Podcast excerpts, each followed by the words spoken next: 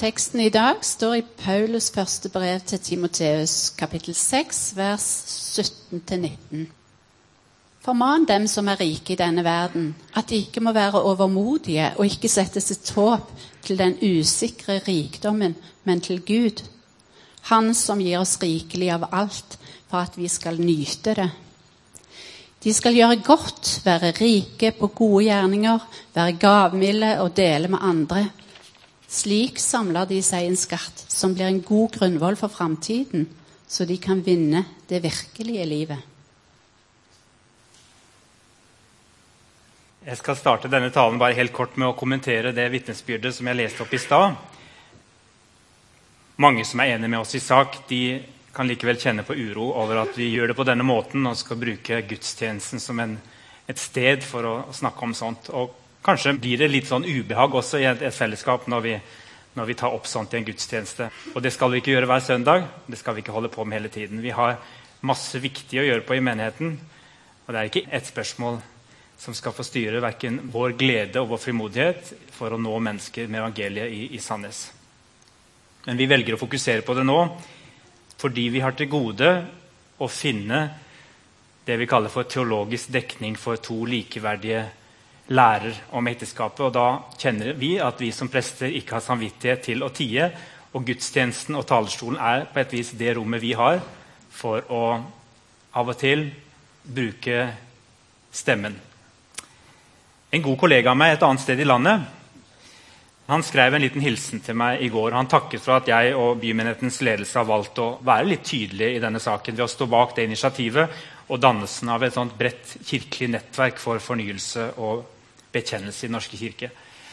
Men så sa han noe som er veldig viktig. Han sa jeg blir så minnet om at krisen har langt flere fasetter enn ekteskapsforståelsen. Det dreier seg dypere sett om en holdning til Guds ord og om å våge å forkynne at Jesus er veien til Gud. Krisen i vårt folk og vår kirke går dypt. Derfor er oppvåkning til Jesus glede og forankring for Kirken i Guds egen fortelling. Det er selve grunnlaget for den oppvåkning vi trenger. Lykke til med deres viktige arbeid. Og Det er grunn det som har gått opp for meg i løpet av de siste par årene. Det interessante er at Både han som skrev til meg, og jeg vi vi har aldri følt oss som sånn spesielt bibelkonservative prester tidligere. Mange som kjenner meg, de vil, vil, kunne ha tenkt om meg som en sånn sentrumsorientert, rund og likandes prest midt i kirkelandskapet. Og Så våkner jeg opp og så oppdager jeg at hele landskapet rundt meg har forandra seg.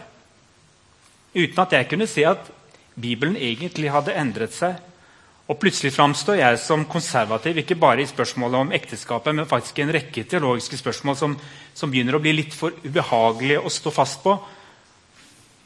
Og jeg fant ut at hvis jeg ikke reiste meg nå, hvordan skulle jeg ha noen som helst troverdighet til å reise meg når utviklinga går videre? Og Likevel så skal ikke jeg tale om ekteskapet her i dag. Vi hadde ikke lagt opp til det. De som er interessert i å se mer om hva jeg har tenkt og jobbet litt med i forhold til disse tekstene som mange andre preker over i dag, de kan finne mer om det på, på bloggen min.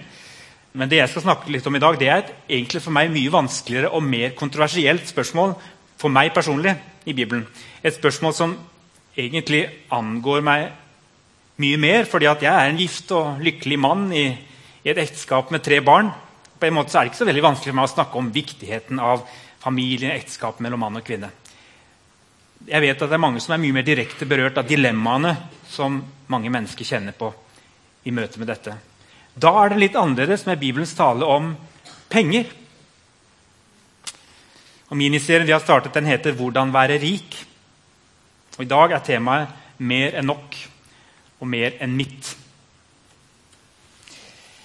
Ja, Hvordan kan det egentlig oppleves å være rik? Jeg kjenner jo noen som er rike. Og For å vite hva jeg snakker om, så har jeg da drevet litt research før denne talen.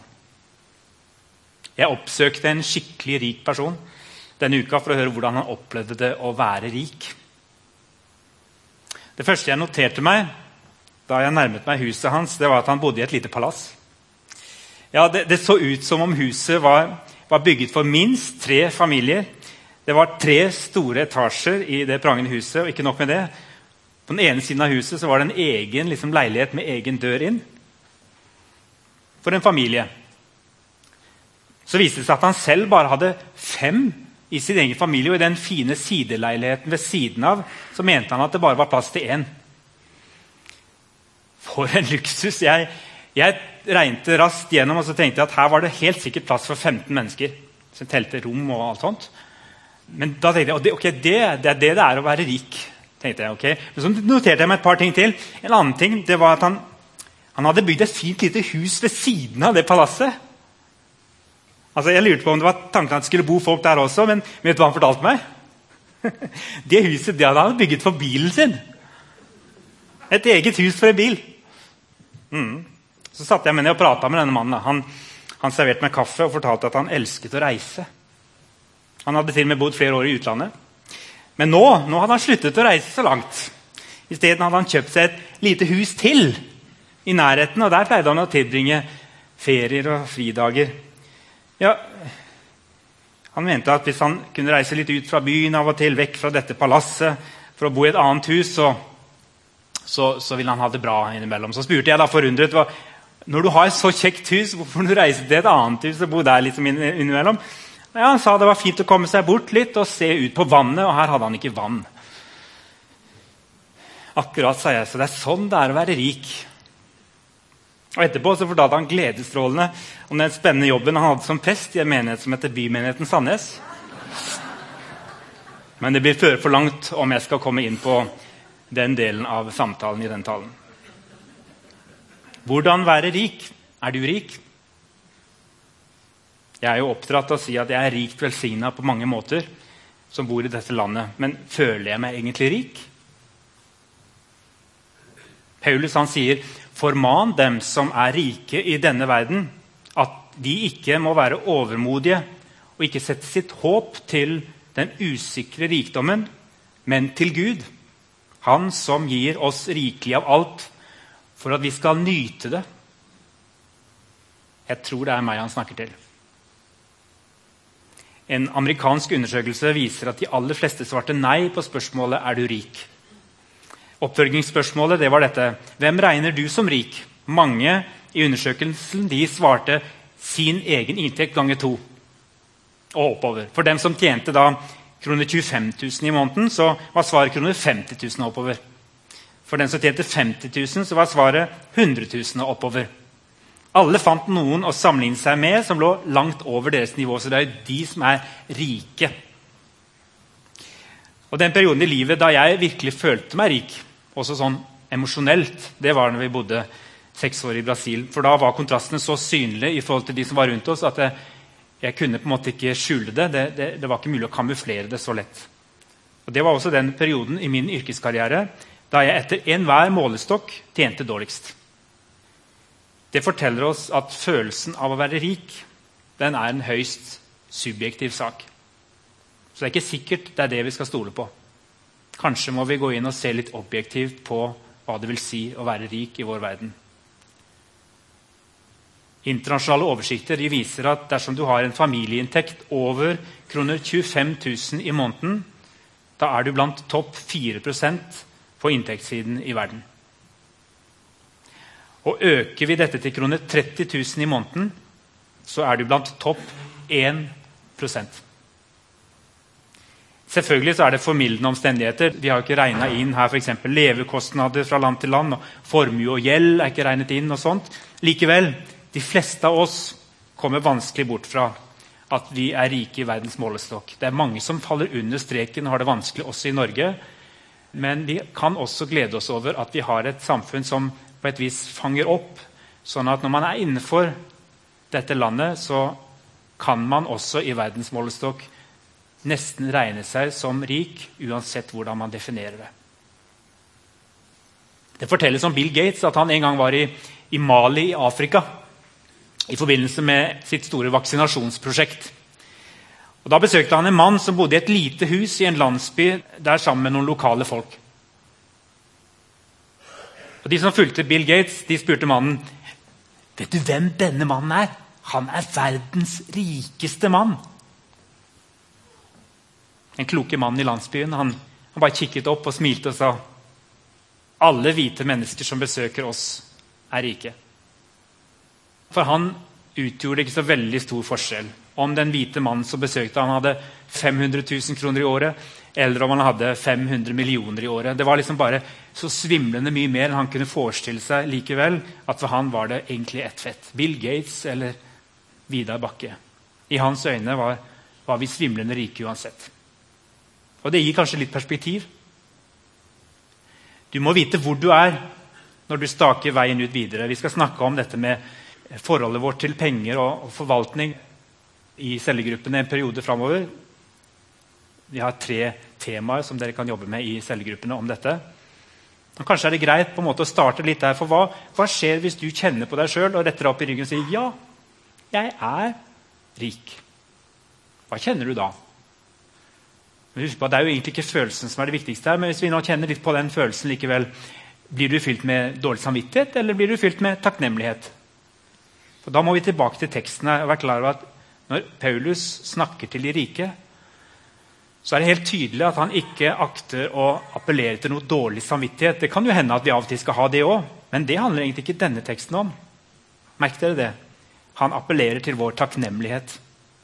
Jeg tror den takknemligheten som vi har lov til å kjenne på som privilegerte og rike i vår del av verden, den er det beste utgangspunktet og kraften også til å være rike på det går an å si det sånn en god måte.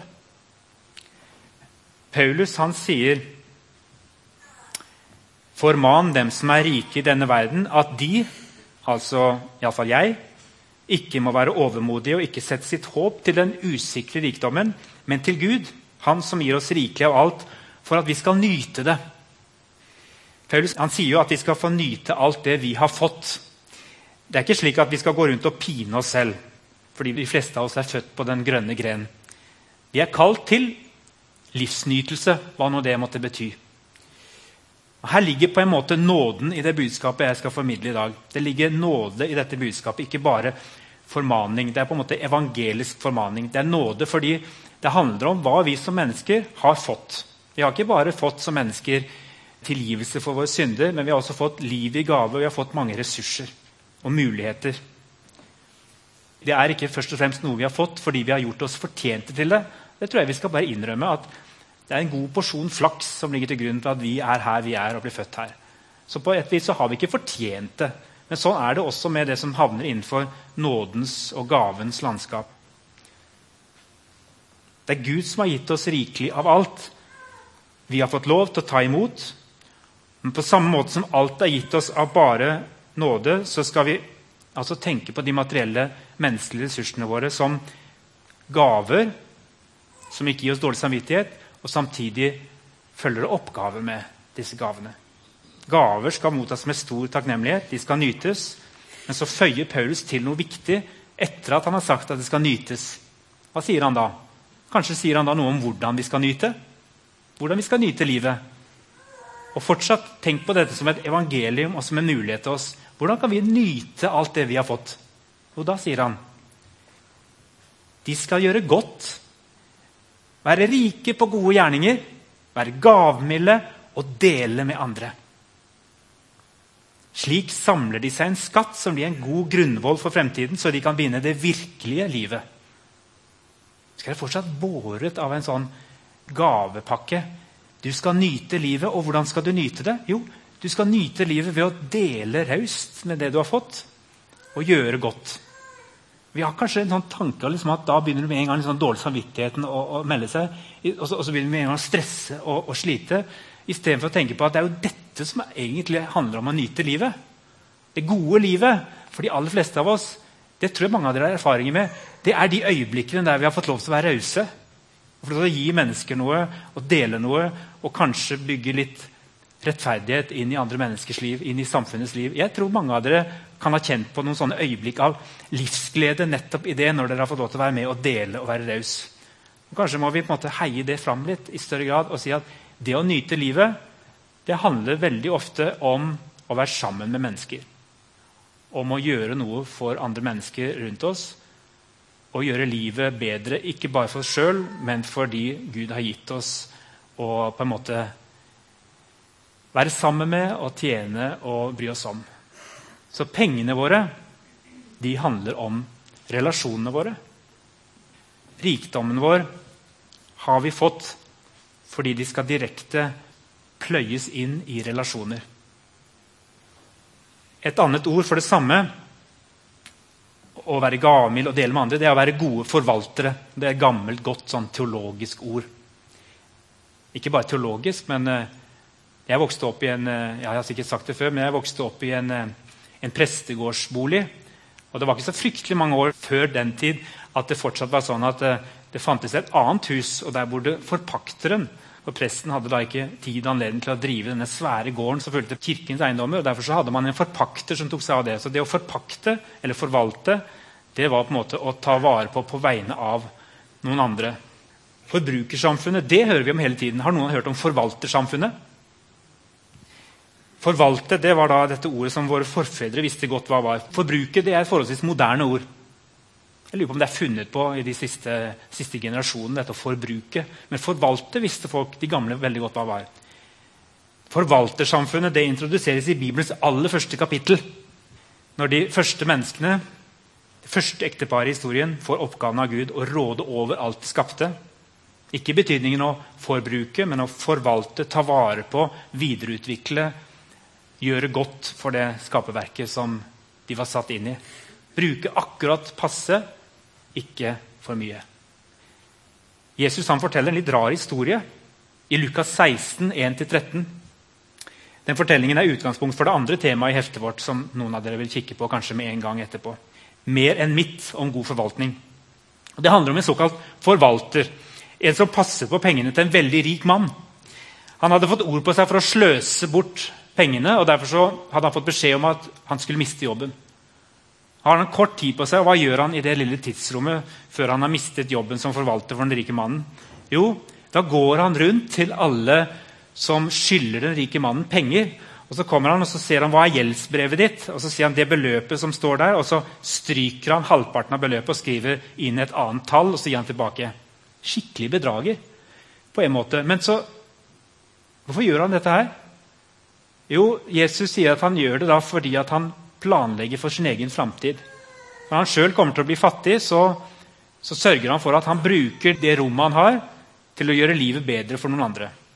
For han regner med at han sjøl vil trenge den hjelpen en gang. Og Det syns faktisk den rike mannen er så smart gjort at han gir ham anerkjennelse for det han finner ut. Og Så sier Jesus.: Skaff dere venner ved hjelp av den uhederlige mammon, så de kan ta imot dere i de evige boliger når pengene tar slutt. Og Så sier Jesus dere kan ikke tjene både Gud og mammon. Han må ha ment å si at mammon er bare et, et redskap som vi skal bruke til å gjøre gode ting. Tenker dere på pengene og rikdommen eller mulighetene vi har i vårt velferdssamfunn i Norge? Tenker vi på det som et, et redskap for å muliggjøre andre ting? Jeg tror på en måte I teorien så gjør vi det. Jo, kan, hvis noen spør oss om det, så jo, pengene er et godt redskap til å realisere det vi trenger. Våre behov og våre drømmer. Det er bare det at det, disse pengene, mammon, som Jesus kaller dem, og egentlig, egentlig, bruker han da et slags navn på det som om det skulle vært en gud, de har en tendens til å bli en avgud i oss. og Da flytter de plutselig fokus hvis vi ikke er bevisst. Hvis vi ikke er bevisst nesten hver eneste dag, så, så flytter liksom fokus fra å være et redskap som vi kan bruke til noe godt, og til at det liksom setter seg på tronen i våre liv og blir vår styrer. Og Det advarer Jesus mot mye mye oftere enn han advarer mot noe annen utglidning i samfunnet. Han advarer mot hvordan pengene og rikdommen kan overta Guds plass. Og Jeg tror vi må kjenne på at det appellerer til oss.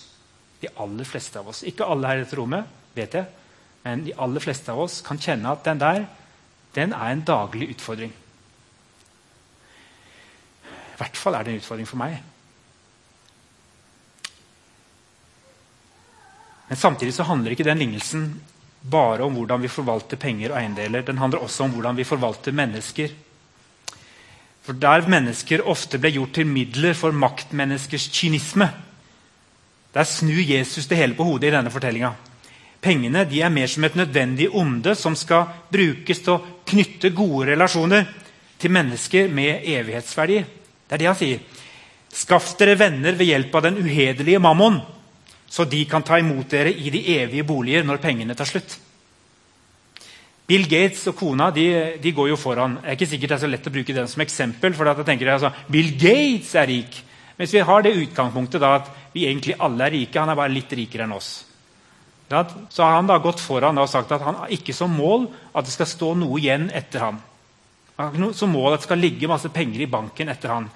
Han har, han har også sagt at ungene hans de har ikke spesielt godt av å få så veldig mye av pengene hans. De trenger å lære seg til å arbeide selv og få inn fra barnsbena at det, det, står ikke en veldig masse penger til disposisjon for barna hans.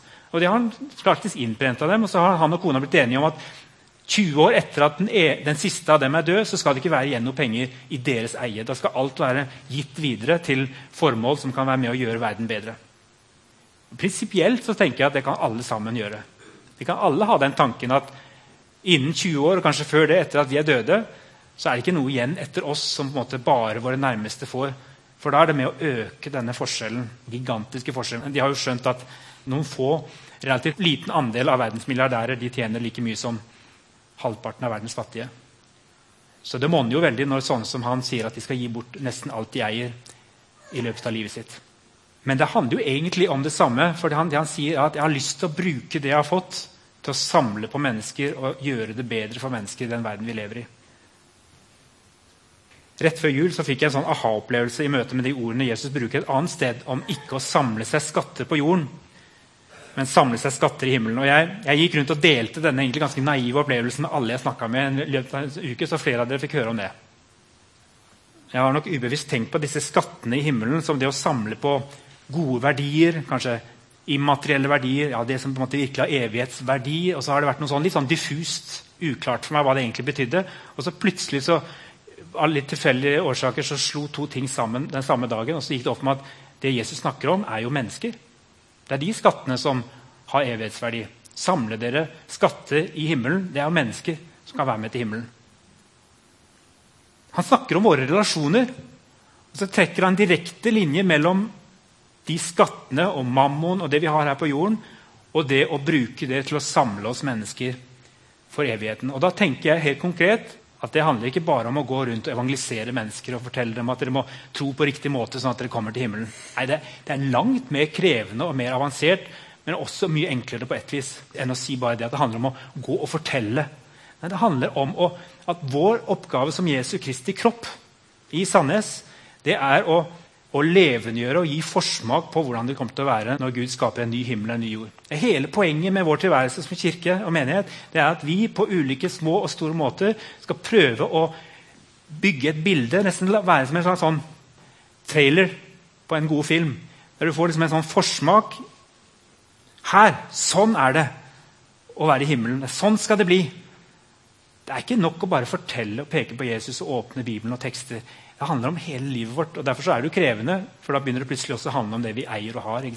Men tenk om mennesker i møte med oss kan oppleve at vi bruker det vi eier og har, i relasjonene for å samle oss skatter i himmelen. For de er skattene. Alt det vi har fått av Gud for å forvalte, det har vi fått for å gjøre godt mot andre. Vi skal bruke pengene våre til å gi andre mennesker glimt av Guds rike her på jorda. Og det kan åpne opp for store og uante konsekvenser. Jeg tror vekkelse, En åndelig vekkelse i vår kirke hvis vi virkelig så muligheten som ligger i det vi har mellom hendene våre. Vi har fått alt dette for å gi flest mulig mennesker på jorden en forsmak på hvordan det kommer til å bli på en ny himmel og en ny jord. Og Hvis det er sånn at vår fremste oppgave er å gi flest mulig mennesker en himmelopplevelse her på jorda, da er det alltid noe som ikke er som det skal være når noen av oss har for mye uten å dele, og noen av oss har altfor lite uten at noen har delt med oss. Så enkelt tror jeg det er. Har du et ønske om å være bibeltro? Har du et oppriktig ønske om å sette din lit til Gud, til Jesus og Hans ord?